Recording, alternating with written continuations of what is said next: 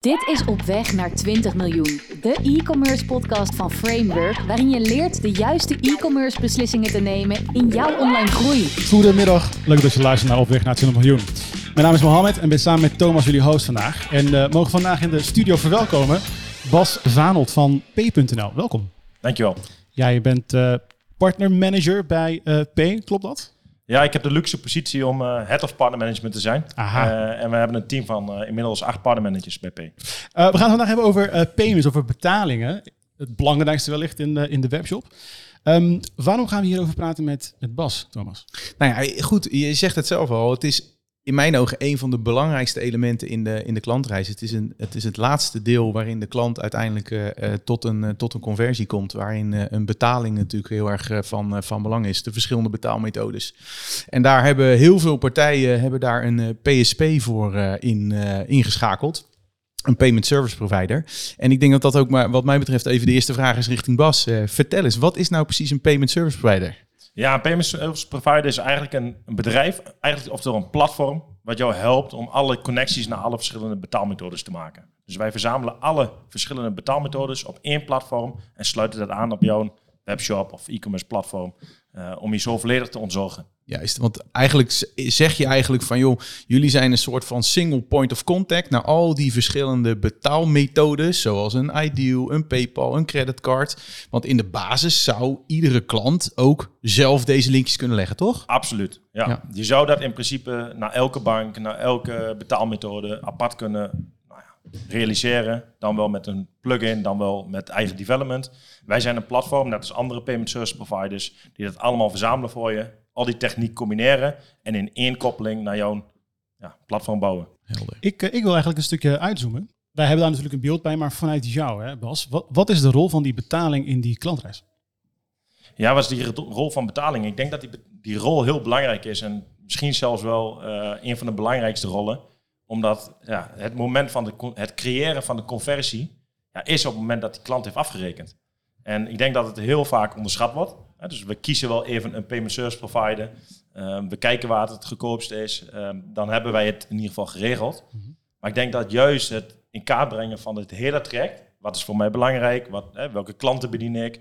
Uh, wat vinden mijn klanten belangrijk? Op welke manier kan ik ze makkelijk laten betalen? Um, wat voor producten verkoop ik? Uh, hoort misschien ook wel belangrijk om de verbinding naar vertrouwen te leggen. Dus die rol van betalen is veel groter dan een financiële transactie. Het heeft heel erg te maken met jouw klant helpen, vertrouwen wekken, order afronden, et cetera, et cetera. Stel je staat op, uh, op, op de markt ja, en ik heb een kraampje. We gaan even 50 jaar terug en ik verkoop uh, fruit. Ik ben de groenteboer of uh, nou, de fruitboer. Um, dan is het in principe simpel, want de klant komt, je gaat mooi spiegelen. Het ziet allemaal goed uit, je bent goed gekleed, je zegt netjes gedag. En uiteindelijk de betaling, ja, dat is super triviaal. Daar hoef je niet over na te denken. Je zegt gewoon, dit kost het. De pricing denk je wel aan. Maar de betaling is heel triviaal. Hoe is het niet triviaal? Want je noemde net het woord onderschat. Hoe is dat anders binnen die webshop? Ja, kijk, in de webshop is het natuurlijk koop op afstand. En eh, je kijkt niet de ondernemer achter de fruitkraam in de ogen aan over... Het, het is niet een transactie die daadwerkelijk op dat moment plaatsvindt. Mm. Uh, dus ja, zeker afhankelijk van de doelgroep die je hebt en zeker afhankelijk van de producten die je verkoopt, wil je eigenlijk vertrouwen creëren dat het allemaal wel goed zit en dat je met een gerust hart kunt afrekenen. En, en hoe doe je dat? Vertrouwen creëren met, als, als PSP? Ja, kijk, als PSP moeten wij uh, allereerst vertrouwen hebben bij onze klanten. Ja. dus, dus daar begint het, want de klant moet voor P kiezen. Um, ik denk dat dat een van de belangrijke uh, aspecten is. Hè? Want zo goed als dat een consument vertrouwen moet hebben in het betalen, aan een merchant, noemen wij dan klanten. Moet de merchant ook vertrouwen hebben, is een partij die al zijn financiële uh, afhandeling doet. Dus daar, daar begint het voor ons. Um, en wij helpen vervolgens die ondernemer om dat vertrouwen weer naar zijn klanten te kunnen uitstralen. En hoe gebeurt dat? Dat zou bijvoorbeeld kunnen door uh, je, person, uh, je checkout volledig te personaliseren. Dus als ik op een betaalpagina kom, wil ik eigenlijk zien dat die betaalpagina ook hoort bij de webshop waar ik koop. En niet een betaalpagina is waar ik in één keer geen herkenning meer heb van de webshop waar ik op dat moment in zit. Hoe, hoe vaak komt dat nog voor? Heb je daar... Veel te vaak. Ja? Ja, het komt nog veel te vaak voor dat wij, zelfs bij onze eigen klanten, dat we wel eens zien, hey, dit kan beter. En ik denk dat wij een partij zijn die juist daarop onderscheidt. Door te zeggen, moet je dit niet even wat anders doen? Of zullen wij je daarbij helpen? En personaliseren bedoel jij dan echt op het moment dat iemand zeg maar in die checkout zit, gaat vervolgens naar een betaal, bepaalde betaalmethode? Of gaat het dan echt al daar een stapje voor? Dat je voordat jij die betaalmethode selecteert, dat je daar nog een Nou, stap. eigenlijk begint het helemaal aan het begin. Hè? Dus eh, wij, wij focussen ons op payments. Maar als ik in de bredere zin van het woord naar e-commerce kijk, dan begint het eigenlijk bij... De journey begint misschien al zelfs niet eens op de webshop. Maar in een advertentie ergens op een billboard of in een krant of iets. En die klant komt op die webshop. En als die advertentie niet in lijn ligt met wat hij op de webshop ziet, Ja, is die weg. Ja. En als hij dan al die hele weg heeft afgelegd tot het betaalmoment en de pagina die daar is, lijkt totaal niet meer op waar hij continu gezeten heeft, ja, dat, dat is killing. En dat, ja, dat, dat kost je conversie. Dus wat we dan proberen is in ieder geval de, de look en feel, hè, wij noemen dat ook letterlijk in ons platform look en feel, aan te passen eh, in, die, in lijn van jouw ja, uitstraling die je hebt naar je klant. Hey, en als we nou kijken naar vertrouwen, hè? je geeft enerzijds aan de consument moet vertrouwen hebben in die ondernemer, want daar doet hij uiteindelijk zijn transactie. Eh, ehm, de ondernemer moet vertrouwen hebben in dit geval P, dan is de payment service provider van joh, is dat een eh, valide partij om mijn centjes doorheen te laten lopen? Maar zit het andersom ook dat P zeg maar vertrouwen moet hebben in de ondernemer? Want je hebt natuurlijk ook te maken met, nou noem het maar even, frauduleuze eh, Ja, absoluut. ondernemers. Want hoe, Absoluut. hoe werkt dat dan voor een payment service provider? Ja, kijk, we hebben daar natuurlijk ook verplichtingen in. Ja. We staan onder toezicht. Ehm, als financiële instelling heb je je verplichting om je klant goed te kennen. Ehm, dus dat is een verplichting die wij natuurlijk ook nakomen. Eh, elke payment service provider moet dat, doet dat op zijn eigen manier. Dus wij screenen, eh, wij borden en screenen klanten. Dus voordat wij daadwerkelijk geld overboeken naar een rekening, eh, weten wij wie die klant is, hebben wij bepaalde zaken gevalideerd en hebben daarmee het vertrouwen dat het goed zit. Juist, dus eigenlijk kan je daar ook mee zeggen van joh, op het moment dat je als ondernemer via een PSP uiteindelijk afrekent, dat daar ook al een bepaalde validatie in is geweest. Dus ook voor die consument is dat een vorm van vertrouwen dat het op eigenlijk goed zou moeten zitten. Absoluut. Ja. Wat ik, eh, wat ik ook wel. Kijk, de, de podcast heet Op weg naar 20 miljoen. En wat wij proberen te doen in deze podcast is zaken bespreken waarmee de luisteraar uiteindelijk betere keuzes kan maken in die online groei. Ehm, het kiezen van een PSP, ehm, voor sommigen is dat simpel, tarieven vergelijken en er een kiezen. Voor anderen is het een grotere klus. Wat gaat er eh, in jouw ervaring vaak fout in, het, in die keuze? Dus vanuit die merchant, wat gaat er vaak fout in het maken van een, van een keuze eh, van een PSP? Ja, ik denk dat het heel belangrijk is om te kijken, past het product goed bij wat ik aanbied? Hè, dus ehm, als je een webshop hebt, de meeste ondernemers kijken direct naar prijs. Dus je gaat ons een offerte opvragen. Wat kost het bij mij, of wat kost het bij jullie, als ik 2000 ideal transacties doe? Ja. Dan zeg ik, oké, eh, wie ben je? Wat doe je? Hoe ziet je business eruit? Welke klanten bedien je? Hè, wie is je doelgroep? Welke betaalmethodes heb je nodig? Want je hebt niet alleen ideal nodig. Ik ken maar heel weinig ondernemers die alleen maar ideal aanbieden. Hè, dus waarom vraag je mij een tarief voor ideal? Hè, dus misschien moet je beginnen met... Ik verkoop bepaalde producten, dat doe ik op een platform. En hebben jullie ook een koppeling met dat platform? Want ik zou misschien wel eens klant willen worden bij P. Mm. Hè, dus kunnen wij technisch bieden wat jij nodig hebt? Sterker nog, kunnen wij jou misschien ehm, verder helpen door eh, te optimaliseren in processen? Hè, want het is niet alleen maar de betaling van de consument aan de ondernemer, maar een ondernemer moet af en toe ook refunden. En hoe werkt dat refunden dan? En vanuit welke omgeving wil ik dat dan doen? Hè, want kan ik dat vanuit mijn eigen warehouse, man- warehouse management systeem doen, waardoor ik heel veel tijd bespaar? Is dat heel relevant? Hè, of wil ik daarvoor inloggen bij P? Je, noemt heel veel dingen. Ik vind ze allemaal één voor één heel interessant. Maar kunnen we misschien even de diepte opzoeken met, met een voorbeeld? Dus ehm, een voorbeeld van een klant waarin jij, waarmee jij in gesprek bent geweest. Waarbij jij uiteindelijk dus die meerwaarde hebt kunnen bieden als payment service provider om, om die betaling anders in te richten wellicht.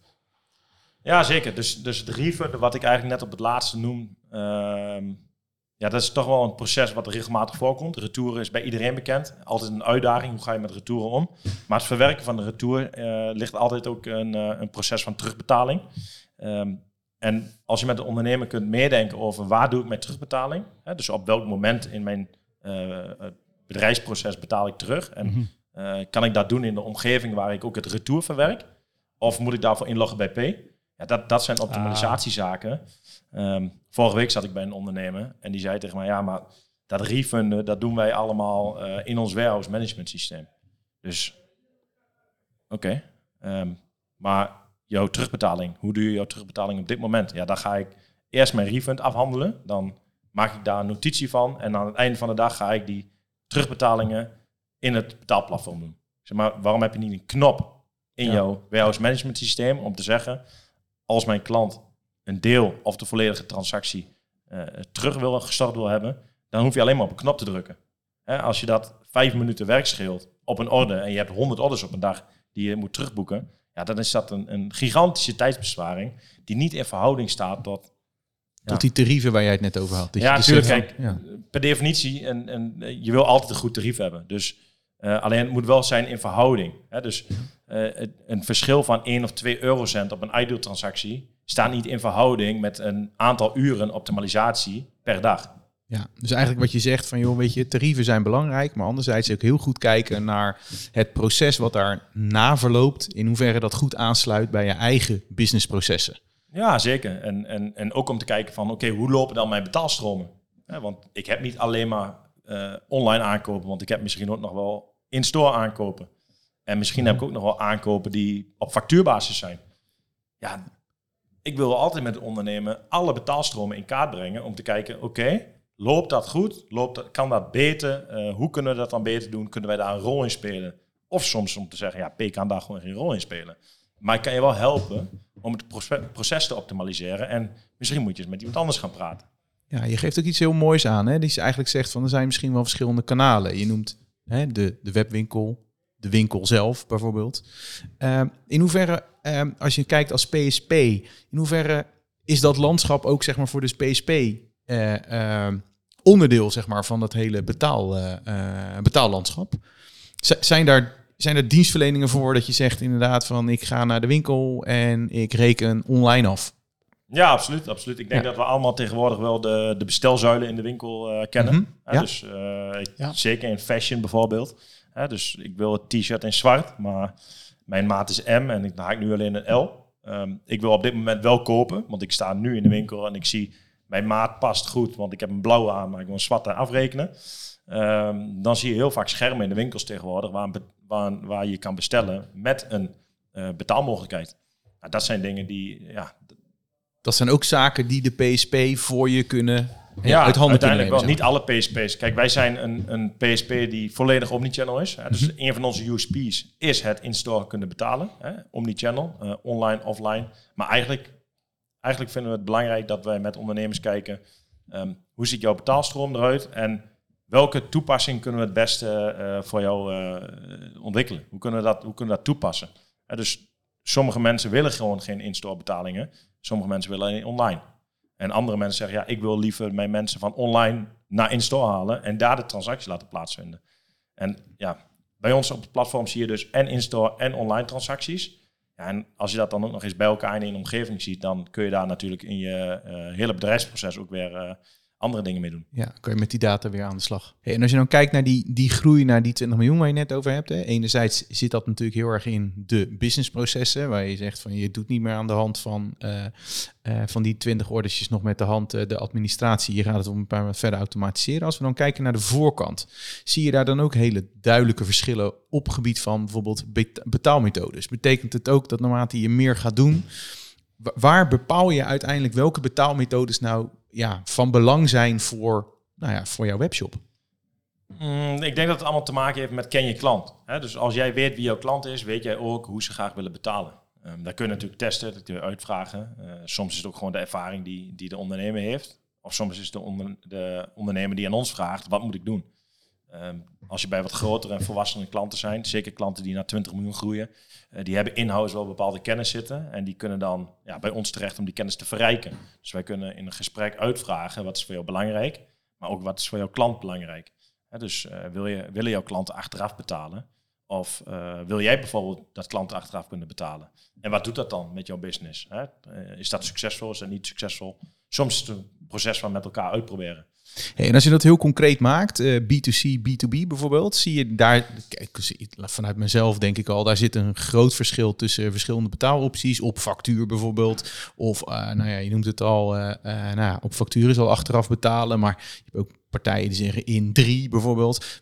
Wa waar kan je eens een aantal voorbeelden geven waarvan je zegt van oké, nou deze betaalmethodes zijn nou bijvoorbeeld heel specifiek voor een bepaald type klantsegment? Je zegt van die zijn van belang. Ja, ideal denk ik dat ze voor iedereen uh, Ja, eh, kijk, je ziet dat is. Ideal het grootste stuk van, eh, van, van alle transacties is. Ehm, maar absoluut, betaalmethodes als Indri, eh Klarna, Afterpay, maar ook een, een, een SprayPay of een Billing. Hè. Dus ik, ik noem nu een aantal methodes. Niet iedereen zal alle betaalmethodes kennen. En dat heeft te maken met, ben jij bijvoorbeeld een, een, een B2B ondernemer? Ja, als ik het heb over nieuwe ontwikkelingen in de markt, dan is Billen een van de nieuwe toetreders. Hè, dus, ehm, en Biller is eigenlijk een B2B-specialist op het gebied van betalen. Dus die neemt daadwerkelijk de factuur over en gaat die innen bij de, eh, bij de ondernemer. Waardoor de eh, B2B koper op rekening kan betalen. Hè, dus eh, zoals wij eigenlijk gewend zijn om achteraf te betalen met Klarna als consument, Ja. kun je dat als eh, B2B-ondernemer via Billen doen. En betekent dat dat je bijvoorbeeld in de situatie B2B Klarna dat dat minder goed past? Of zeg je van nou, het is gewoon een nieuwe toetreder, dus die heeft zich helemaal gespecialiseerd op de B2B klant? Nou, eigenlijk beide. Dus eh, als uh, Klarna heeft gewoon de bewuste keuze dat zij geen B2B uh, transacties doen. En Billen heeft gezegd, oké, okay, juist ook uit, uit eigenlijk de vraag naar achteraf betalen binnen B2B, hebben zij daar zich eigenlijk op gespecialiseerd. Dus ja. zij doen niet anders dan B2B. Nee, juist. En als we dan weer kijken naar de rol van die PSP, dan is Biller in dit geval zeg maar de betaalmethode en jullie zorgen weer voor die integratie. Absoluut. Ja, dus wij zorgen ervoor dat als jij uh, al op dit moment Klarna hebt en je hebt al Ideal en je hebt al een creditcardroute, uh, dan kun je eigenlijk in ons platform met een vinkje, door, ja. door een vinkje te zetten, kun je eigenlijk jouw, uh, jouw billen activeren in jouw platform. De betaling heeft er natuurlijk ook te maken. Het is eigenlijk ook een marketingvraagstuk. Want wat je, wil, wat je doen is middels uh, de manier waarop je de klant laat betalen, wil je ervoor zorgen dat ze sneller bereid zijn om die transactie te gaan maken. Um, wat zijn zaken waar we aan zouden kunnen denken in het kader van die conversieverhoging, waar je aan kunt denken bij die betaling? Ja, conversieverhoging. Ik denk dat heel veel ondernemers aan het zoeken zijn naar de, naar de hoogste conversie. Um, maar er zijn hele simpele dingen en er zijn hele complexe zaken.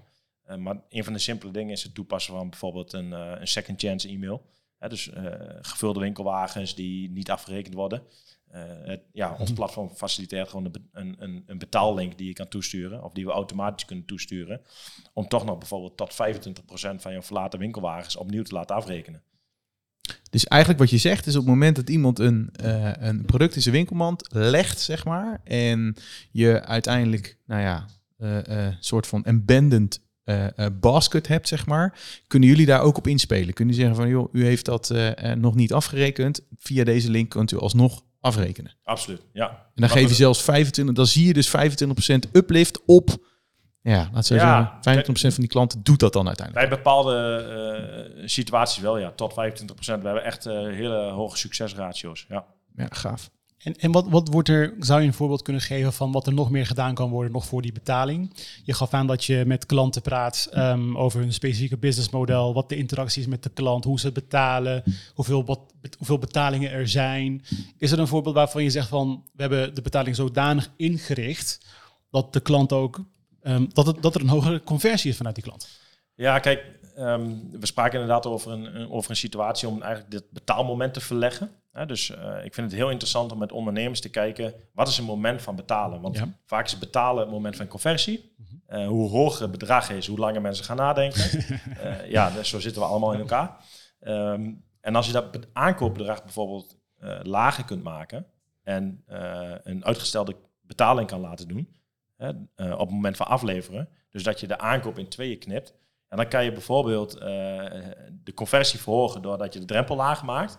Um, en je uiteindelijk nog toch het volledige bedrag gaat, uh, gaat innen. Dus dan werk je met deelbetalingen. Ja, want in de voorbereidingen van, dit, uh, van deze podcast gaf je het ook aan, hè, dat er een klant bij jou was die zat in de hekken, als ik het goed begrijp. Ja, die zat in de hekwerken. In de hekwerken. Ja. En dan juist daarin was, zag je dus van hekwerk afrekenen, maar plaatsingskosten op een ander moment. Absoluut. En uh, ja, als je een hekwerk aanschaft voor, voor in jouw tuin of een schutting, wat jou 1500 euro kost, en het plaatsen kost ook 600 euro, ja, dan kun je uh, die twee opknippen.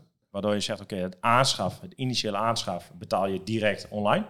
Maar het plaatsen duurt nog zes weken, want... Uh, de, moet in productie genomen in productie worden. Genomen of, ja, worden, ja. komt in de planning. Ja. dus het, het, het, proces is heel belangrijk. En dan is, ik kan me ook heel goed voorstellen dat bepaalde klanten, of eigenlijk uh, consumenten ook zeggen, ja, maar ik heb het er wel voor over, maar ik vind het ook heel prettig als ik het plaatsen kan afrekenen op het moment dat het ook daadwerkelijk geplaatst is. Juist, dan komt eigenlijk dat stukje vertrouwen weer om de hoek. Omdat je zegt van ik ga dan heel graag afrekenen op het moment dat ik ook zie dat het is gebeurd. In plaats Zeker. van dat je... Dus de initiële aankoop wordt lager. De conversie kun je daar wellicht mee verhogen. Ehm, en tegelijkertijd lossen we daarmee een probleem op. Ehm, omdat een, een online transactie gemiddeld vaak veel duurder is dan een, eh, een, een offline transactie.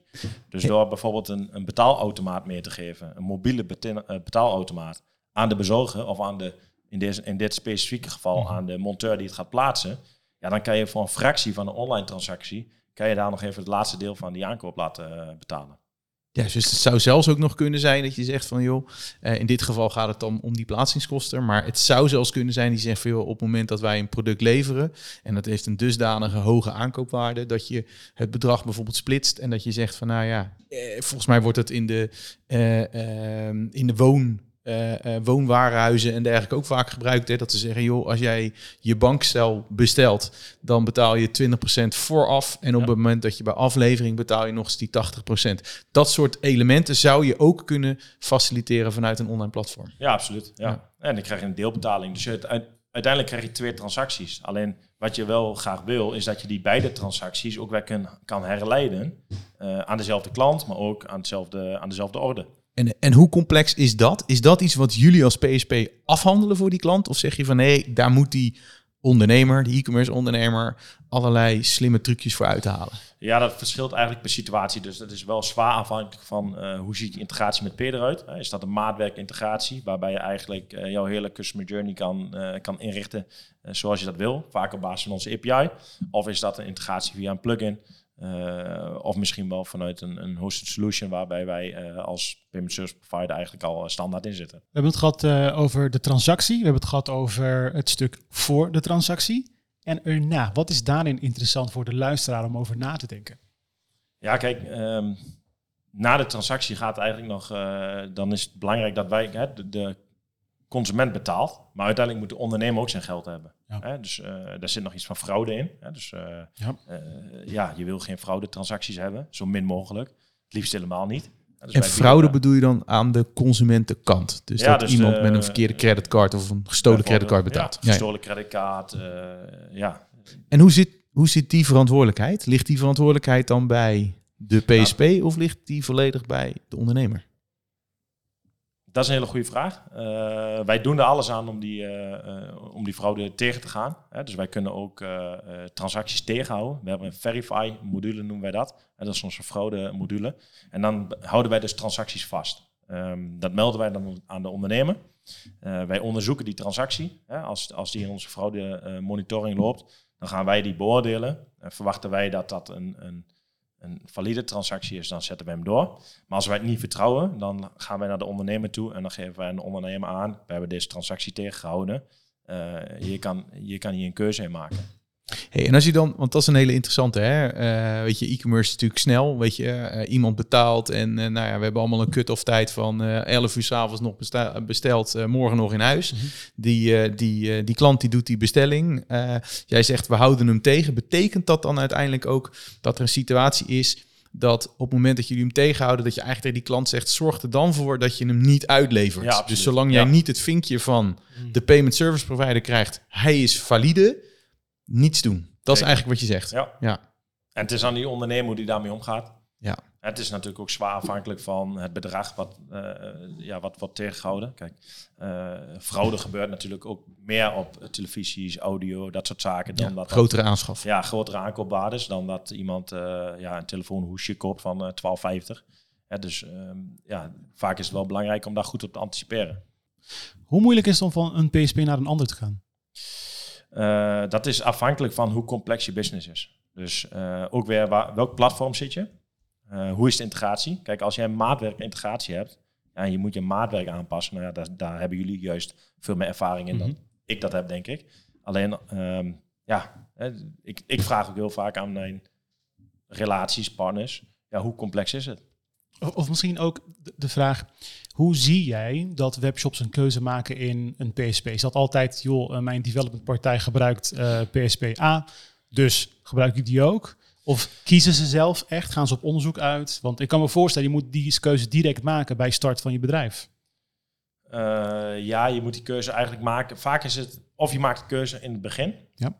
of je maakt de keuze op een cruciaal moment. En dat cruciale moment is vaak of ik ga van platform wisselen, of het loopt niet goed bij mijn huidige payment service provider, uh, of ik heb een situatie waar ik niet blij mee ben. Um, hè, dus er moet iets veranderen. Wil een ondernemer veranderen van payment service provider? Soms kan dat ook groei zijn. Hè? Dus soms kan het ook zijn, ik groei dusdanig hard dat ik behoefte heb aan, uh, uh, ja, of aan een andere dienstverlening, of aan een ander tarief, of aan uh, andere betaalmethodes. Um, ja, dus er zijn heel veel situaties die wij tegenkomen. En eigenlijk zijn partijen zoals jullie, hè, dus digital agencies, vaak de schakel tussen ons en tussen onze klanten. Zeker de klanten die wat groeien, die hebben een complex landschap. Nou, precies waar, waar denk ik klanten bij jullie komen om te vragen, help mij mijn landschap te beheren, help mij mijn, ja mijn, mijn, ja, mijn doelen te bereiken. Ja, daar zijn wij een, een schakel in. En de digital agency is eigenlijk vaak de vertrouwenspartij richting de klanten van ons. Die zeggen, oké, wij hebben een goede ervaring met. En dan is dat misschien wat voor jou. Hey, en en dus, dus, er zijn nog wel wat PSP's. Hè? P jullie zelf, Molly, Adyen, uh, nou ja, noem ze maar op, zeg maar. Uh, zitten daar nou ook nog hele duidelijke verschillen? Je noemde eigenlijk van het kan zijn dat er uh, dat je op een bepaald moment dat je groeit, dat je andere wensen hebt, zie je ook dat payment service providers andere sweet spot eh, kiezen om te zeggen wij werken hiervoor. Kan je daar een klein beetje toelichting op geven? Ik, snap dat jij kent natuurlijk de markt, dus je weet ook een beetje zonder uh, uh, P helemaal uh, voorop te stellen. Maar hoe, hoe, als je dat zo een beetje bekijkt, zit daar dan in die reis van die 20 miljoen, zie je dan ook dat er mogelijk stappen zullen zijn? Dat mensen zeggen ik begin daar en ik ben uiteindelijk bij die 20 miljoen of verder. En dan zit ik bij een andere payment service, want die heeft die andere diensten. Ja, zeker. Hè? Dus uh, er wordt aan mij heel vaak gevraagd, hè, wat maakt jullie onderscheidend en uh, wat, wat, waar, in waarin zijn jullie dan beter dan een ander? Ik probeer altijd ook uit te leggen dat uh, er zijn een aantal bekende payment service providers die je net noemde. En ik denk dat, dat we het allemaal hartstikke goed doen op dit moment. En waarin blinken wij uit? Dat is onder andere door een hele brede range aan betaalmethodes te bieden. Dus um, wij vinden dat als een klant begint bij P, dat hij eigenlijk, hoe hard hij ook groeit, niet genoodzaakt is om weg te gaan. Uh, wij zien wel dat klanten die bij andere payment service providers groeien, ja, dat die op een gegeven moment uh, pijnpunten ervaren of dat zij uh, niet meer uit voet kunnen met het huidige aanbod. dat kan zijn bijvoorbeeld niet genoeg buitenlandse betaalmethodes, niet voldoende achteraf betaalmethodes, andere maatwerkwensen. Ja, en dan ontvangen wij heel graag, die klanten zijn voor ons heel erg, heel erg nou ja, welkom. Ja. Um, dat zijn vaak al klanten met wat volume, vaak al klanten die weten wat ze willen, hoe ze het willen. Um, en aan de andere kant heb je uh, ook partijen als Agenda die je net noemde, die hebben een hele duidelijke ondergrens. Dus um, ja, daar kun je als kleine ondernemer eigenlijk niet zomaar naar binnen stappen om te zeggen, nou, ik wil wel mijn uh, transactieverkeer bij jou onderbrengen. Nee, dus ja. Dus ja, je ziet dus inderdaad dat eigenlijk de markt op het gebied van PSP al zodanig gesegmenteerd is dat je dus, nou, jullie zeggen joh, wij, wij nou, positioneren ons, ons relatief breed, met met name veel betalingsmethoden. Ja, we positioneren ons breed, we zijn er voor iedereen, maar we hebben wel een duidelijke uh, sweet spot en die, die ligt echt wel op een mid-market. Uh, dus wij, uh, zeker wanneer betalen complex wordt, kunnen wij heel goed helpen. Um, en zit dat dan met name aan die achterzijde, dus die businessprocessen voor de ondernemer, of zit dat ook aan die voorzijde? Uh, een combinatie van de voor- en achterzijde. Dus uh, het begint altijd aan de voorkant met de ondernemer om het gesprek te voeren. En, en ja, dat is eigenlijk de menselijke kant van P. Om, om uit de juiste zaken uh, boven tafel te krijgen, boven water te krijgen. Van wat is voor jou belangrijk, wat heb je nodig om te groeien. Uh, niet alleen maar nadenken over wat heb ik vandaag nodig, maar ook waar wil je naartoe. Want als je op 10 miljoen omzet zit, ja, dan is ook de vraag hoe ga je dan naar die 20 miljoen. En welke ja. impact heeft betalingen daar dan in? En waar ja. moet je dan over nadenken? Dus dat is de menselijke kant, dat is de voorkant. En uiteindelijk moet het aan de achterkant moet het kloppen. Juist. Hey, en en uh, als wij kijken naar de markt, uh, uh, ik zal niet eens zeggen dat het een, een, een trendwoord is, maar waar, waar, waar we veel over praten is natuurlijk een abonnementsmodel. Hè? Je, je herkent het denk ik wel. Uh, de steeds ehm, groter wordende partijen die op een bepaald moment zeggen van joh, ik ga een, een, een, een afrekenmodel creëren waarin je periodiek zeg maar die betalingen ja. afhandelt. Is dat ook iets wat een payment service provider kan faciliteren of zijn dat ja, die veel complexer zijn. Nou, kijk, uh, recurring payments is, is wel wat complexer dan een uh, eenmalige transactie. Um, en ja, wij doen recurring payments. Hè, dus je kunt dat met P inrichten.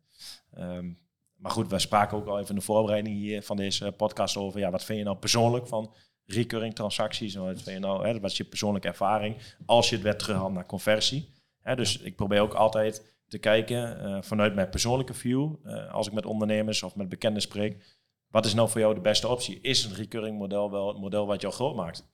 Of is dat uh, misschien wel het simpel maken van betalen? Hè? Dus dan zeg ik eigenlijk is recurring payments versus tokenisatie. Hè? Dus het, het vasthouden van bepaalde gegevens waardoor de consument eigenlijk met één druk op de knop kan betalen. Um, soms, sommige mensen vinden het heel prettig om zelf te bepalen wanneer ze iets willen hebben uh, en wanneer ze iets betalen. Kijk, ik persoonlijk hou niet van een abonnementstructuur. Hè? Dat is een persoonlijke uh, eigenschap van mij dat ik denk, als ik iets wil hebben, druk ik op de knop, is het de morgen. Ja. Maar ik, ik hoef niet elke maand standaard dat um, thuisbezorgd te krijgen. Nee. Hè? Dus aan de andere kant zijn natuurlijk ook uh, heel veel succesverhalen als Netflix en, en, en Ziggo en, en, en, en Viaplay. Die gewoon, uh, daar wil je niet elke maand moeten verlengen. En daar wil je niet elke keer op het knopje drukken. Dus ik denk dat het heel belangrijk is om te kijken wat is voor die ondernemer een succes. Ja, en jullie faciliteren dan wel beide. Dus enerzijds gewoon, nou ja, noem het even het Netflix-model. Gewoon iedere maand gaat er gewoon ja, automatisch een, een, afschrijving uit. Ja, ja. En daarnaast geef je dus ook de mogelijkheid om te zeggen ondanks dat het ook een klein beetje recurring lijkt, hè, dat je gewoon iedere maand mogelijk gewoon een betaallink stuurt en zegt van oké, wil jij weer deze dienst afnemen en klik hier om hem uiteindelijk te betalen. Ja, zeker. En, en dat kan een betaallink zijn, maar dat kan ook een, een, een uh, maatwerkapplicatie zijn waarbij uh, de klant een app installeert en een pushbericht krijgt. Oké, er staat weer wat voor je klaar. Wil je het hebben, ja of nee? Ja, juist. Nou, ik geloof daar zelf heel erg in. Ja. dus uh, vraag mij op het moment dat jij denkt, dat ik het nodig heb, dan geef ik wel antwoord. Ja.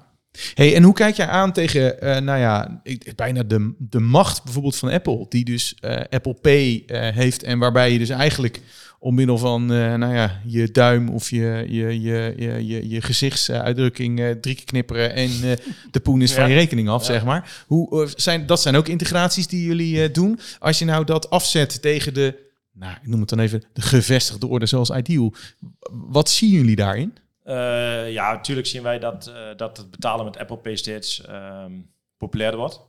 Ik ben zelf ook groot fan van Apple Pay. Maar is dat puur vanuit gemak voor de gebruiker, zeg maar? Ja, absoluut. Ja. Alleen je ziet dat wel dat de Apple Pay betalingen nu nog uh, met name point-of-sale betalingen zijn. dus in je wallet, op de betaalautomaat, Apple Pay toepassen. Oké, okay, ja, ja. ja. Dus daar zit het grote volume op.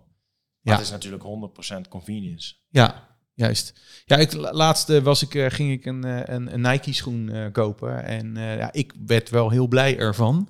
Van hoe hun experience dan is. Inderdaad, waar dus inderdaad Apple Pay was ge, ja. geïmplementeerd. En uh, nou ja, letterlijk met druk op de knop. Druk op de knop maar dat is precies afrekenen. wat ik net bedoelde met ken je klant. Hè? En, en uiteindelijk, jouw klant bepaalt hoe die wil betalen. En ja. als, als payment service provider vind ik dat wij moeten zorgen dat klanten kunnen betalen zoals dat ze graag zouden willen. Juist.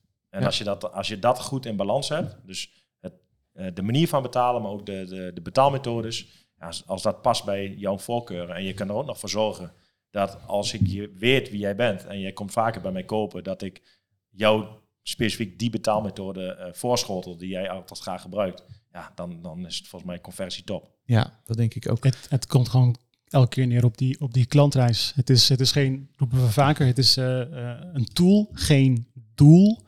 Dus uh, een PSP inzetten om inderdaad die klantreis te optimaliseren. Jullie gaan net, of we spraken net over het voorbeeld van abonnementsmodellen. Uh, ik uh, mocht laatst luisteren naar, het, naar de case van parfumado.nl. abonnementsmodel, ze verkopen parfum. En het idee is dat je per maand een bepaald bedrag betaalt en elke maand voor 30 dagen lang parfum ontvangt. Precies, even, precies genoeg spuitjes voor elke dag. Um, dus, en staat de klant daarop te wachten? Als je denkt, joh, ik wil een abonnementsmodel omdat ik dan de klant vastpak en elke maand structureel kan innen voor mijn kassa. Um, dat is een andere kijk natuurlijk op zaken dan dat je denkt van, joh, wat heeft die klant nou nodig? Dus ik kom steeds weer terug bij wat jij initieel had geroepen, uh, Bas. Um, weet je wel, met die klant in gesprek gaan van, joh, wat heb je nou nodig? Hoe doe je het nou precies? Ja, ik denk dat het heel belangrijk is. Welke andere ontwikkelingen zijn er nu? Uh, nieuwe innovatieve zaken, trends in de markt? Ja, zeker. We noemden net al even de betaalmethodes. Hè. Dus ik vond het leuk om even billen te noemen. Uh, ik zat net in onze sprint review, wat ik al vertelde, onderweg hier naartoe. eh, hoorde ik dat wij het eh, geïmplementeerd hebben, dat het live is. Aha. Super gaaf, hè? B2B betalen. Eh, achteraf B2B betalen. Dus eh, eh, dat is zeker een, eh, een, een ontwikkeling, recente ontwikkeling. Maar iets anders waar, we, eh, ja, waar je toch wel vaak over, eh, over spreekt op dit moment in de markt als het gaat over betalen, is softpos. Ehm, Softpos. ja, softpos. Klinkt leuk. Best lekker. Maar wat, wat is het? Ja, het is eigenlijk een, eh, een, een eh, softwareontwikkeling waardoor je eh, betalingen kan. eh, je kan eigenlijk een, een eigen device, zoals je, je Android-apparaten of een eh, smartphone, omtoveren tot een betaalautomaat. Ah, Oké, dus, dus inderdaad gewoon dat je... je hè, nou, je had volgens mij net de, eh, de, de, de groente, groentekraam eh, eh, eh, in, Zeker, op de markt. zeker. Die kan dus gewoon met zijn mobiele telefoon aanbieden Ja. en daar kan een betaling op worden af, Ja, als je daar een afgehandeld. softpos eh, op installeert, dan zou je inderdaad een, eh, een mobiele telefoon als eh, pinapparaat kunnen gebruiken. Nou moet ik wel eerlijk zeggen dat eh, er zijn heel veel manieren om softpos in te zetten. Dus één van de manieren is eh, op je mobiele telefoon. Eh, de manier waar ik veel meer in geloof is het integreren in een eh groter geheel. Hè, dus eh, bijvoorbeeld een tablet of een, een, een handheld apparaat. Hè, de bekende allemaal het Zebra eh handheld apparaat. Ehm, die heel veel ondernemers gebruiken, bijvoorbeeld in, in magazijnen of in, in warehouses eh, waar ook klanten rondlopen. Eh, het zou bijvoorbeeld bij de IKEA kunnen. eh, dat op het moment dat jij daar geholpen wordt door iemand en die checkt even of het op voorraad is, dat je ook direct kan afrekenen op datzelfde device. Ja. Ehm, hè, we hebben een partnership met, met Cycle Software. Ik weet dat er heel veel fietsenwinkels in Nederland een Zebra-apparaat gebruiken in hun werkplaats. Ja, het zou fantastisch zijn als die software daarop toepast, dat je van jouw handheld ineens een pinautomaat kan maken. Ja. Nou ja, leuk dat jij bijvoorbeeld IKEA noemt, want ik was eh, onlangs was ik in de IKEA om een bureau eh, eh, op te halen voor mijn, eh, voor mijn dochters. En ja, die, die adverteren daar inderdaad mee. Dus dat je eigenlijk al met de app van, van IKEA gelijk eigenlijk het product al kan afrekenen, waardoor je dus eigenlijk met nou ja, gierende banden door die poortjes heen kan. Want dat is natuurlijk de grootste ellende, dat je moet gaan staan wachten met al die dozen. Ja. En, en dat, ja, dat, dat doen ze. En dat is dus softpost, wat eh in je ieder geval een vorm van. ja, een vorm van. Je Ja. ziet toch zeker, zeker als je het over de IKEA hebt. Ik was afgelopen week eh, twee keer in de IKEA. En eh, tot mijn grote ergernis waren er geen, eh, geen kassa's meer geopend, alleen nog zelfscans. Ja, Dus eh, lange rijen, eh, moet je nog zelf scannen, wacht je op iemand die niet begrijpt hoe dat werkt. ja, Heel, heel frustrerend. Alleen ik begrijp dat het voor een bedrijf als IKEA een hele grote ontwikkeling is. Ehm, Ja. Maar als je dan bijvoorbeeld voor die kassa's al, al heel veel mensen kan laten afrekenen. Hè, dus ik, ik zoek boven eigenlijk mijn product uit. Ik had de stellingkast nodig. Dus ik, had, eh, ik ging samen met mijn vrouw. Ik had drie stellingkasten. Ehm, moet dat uit het magazijn halen? Ja, kijk ik op dat kaartje, stelling 16. Oké, dan ga ik naar stelling 16. Maar als daar nou iemand staat die zegt...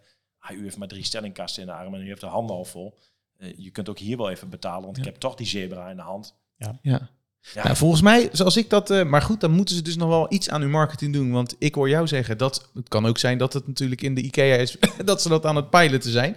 Maar in ieder geval in de IKEA in Eindhoven... eh, hebben ze zover ik heb... Of ik heb het verkeerd gelezen... Maar eh, hebben ze dus deze toepassing. Dus eigenlijk wat jij nu zegt... Eigenlijk die irritatie die jij ervaart... Ja, die, die hebben ze dus waarschijnlijk ook gezien. En zijn ze dus mee aan de slag gegaan. Dus wel heel interessant om dat zo, zo te linken met elkaar. Ja, absoluut. Absoluut. het gaat allemaal over betalen weer. Hè? Ja, ja. En ook daar zit dus weer, nou ja, de welbekende PSP achter, die dus dat weer kan integreren en ervoor kan zorgen dat uiteindelijk alles netjes weer in jouw back-office terechtkomt. Ja, absoluut. Want je wil natuurlijk wel zien dat die klanten ook daadwerkelijk betaald hebben. En, Ja. en ja, misschien wil je nog wel verder automatiseren dat als een klant betaalt, hè, dat, dat ook het poortje weer opgaat. Ja, juist. Hey Ja. Bas, misschien een la- laatste advies of laatste paar adviezen voor die eh, klant die eh, eh, op weg naar 20 miljoen is. Dus ehm, er, zijn, er zijn veel, we hebben veel misvattingen besproken rondom betalingen en, en, en PSP's. Ehm, als je een stukje advies zou moeten formuleren voor die, voor die luisteraar, wat zou je dan zeggen? Ik zou heel goed je customer journey in kaart brengen en, en kijken waar, waar liggen de behoeftes en waar, eh, hè, wat wil mijn klant. En, en ja, weet je, uiteindelijk als je klanten gelukkig zijn, gaan ze veel kopen. Ja. En dat, ja, dat heeft niet specifiek wat met betalen te maken. Maar ik denk, ja, om echt te groeien, dan, eh, dan moet je toch eh, tevreden klanten hebben. En misschien maakt dat juist wel krachtiger dat het niks te maken heeft met betalingen, juist alles daarvoor. Ja, Ja, mooi, mooi, mooi stukje advies. Als wij het moeten afronden, Thomas, wat, eh, wat is nou de samenvatting van, van vandaag? Ja, de, de samenvatting die ik, uh, of in ieder geval de punten die ik voor mezelf heb, uh, heb genoteerd. Eén uh, had ik zeker ook genoteerd, die, die Bas net aangaf, met betrekking tot de customer journey. Kijk goed naar je klant, kijk goed wat je klant wil. En ga daar uiteindelijk ook je, ehm, nou ja, je betaalmethodes of in ieder geval je journey op afstemmen. Dus dat is er zeker één die ik ook had genoteerd. Een andere die ik heel interessant vind, is dat we bij de selectie van PSP's niet alleen maar naar tarieven moeten kijken, maar ook heel erg moeten uh, uh, kijken naar wat het voor toegevoegde waarde heeft aan de productkant. Hè? Dus van in welke uh, ja, noem het maar even, product, betaalmethode fit moet er zijn. Maar nog belangrijker ook van hoe het aan de achterzijde georganiseerd wordt. Dus dat je niet alleen maar denkt van oké, ik heb een, een uh, misschien een tiende cent gewonnen aan die tariefzijde. Terwijl je vervolgens uh, misschien wel uh, tienduizenden euro's moet investeren om dat proces verder te, te ja, optimaliseren. Of dat je een heel goed tarief hebt onderhandeld en dat je bij je agency komt en zegt, ja, het kost nog even 5000 euro om de koppeling te leggen naar je platform. Ja, juist. Dat is toch, dat is toch zonde? Ja, dat is zeker zonde, absoluut. absoluut. En uh, nou, daar begonnen we denk ik uh, mee. Hè. Wat is nou uiteindelijk uh, een belangrijk, nou ja, belangrijke waarde voor een PSP is vertrouwen. Vertrouwen enerzijds van de ja. klant richting de ondernemer. vertrouwen van de PSP richting, richting die specifieke ondernemer. En, en andersom de ondernemer richting de PSP. Dus vertrouwen staat hierin en heel erg centraal. En ik heb een aantal uh, mooie nieuwe ontwikkelingen gehoord, zoals uh, Softpos en, en, en Biller. Ik denk dat wij als bureau zeker aan die Biller-kant zeker eens eventjes moeten gaan kijken. Vandaag hebben we het ontwikkeld in de Magento 2 plugin. Dus Kijk eens. Je kunnen, je kunnen morgen starten. Ja, bij deze. En bij volgens deze. mij hebben jullie ook B2B klanten. Dus, ja, zeker. Ja, absoluut, absoluut. Dus dat is een hele interessante ontwikkeling om, om naar te kijken en onze klant daar weer over te informeren. Absoluut. Dan gaan wij daarover doorpraten nu, Bas. Dit was Op weg naar 20 miljoen. De podcast die je helpt betere beslissingen te nemen in jouw online groei. Ga voor meer afleveringen naar je favoriete podcast-app. En vergeet je niet te abonneren.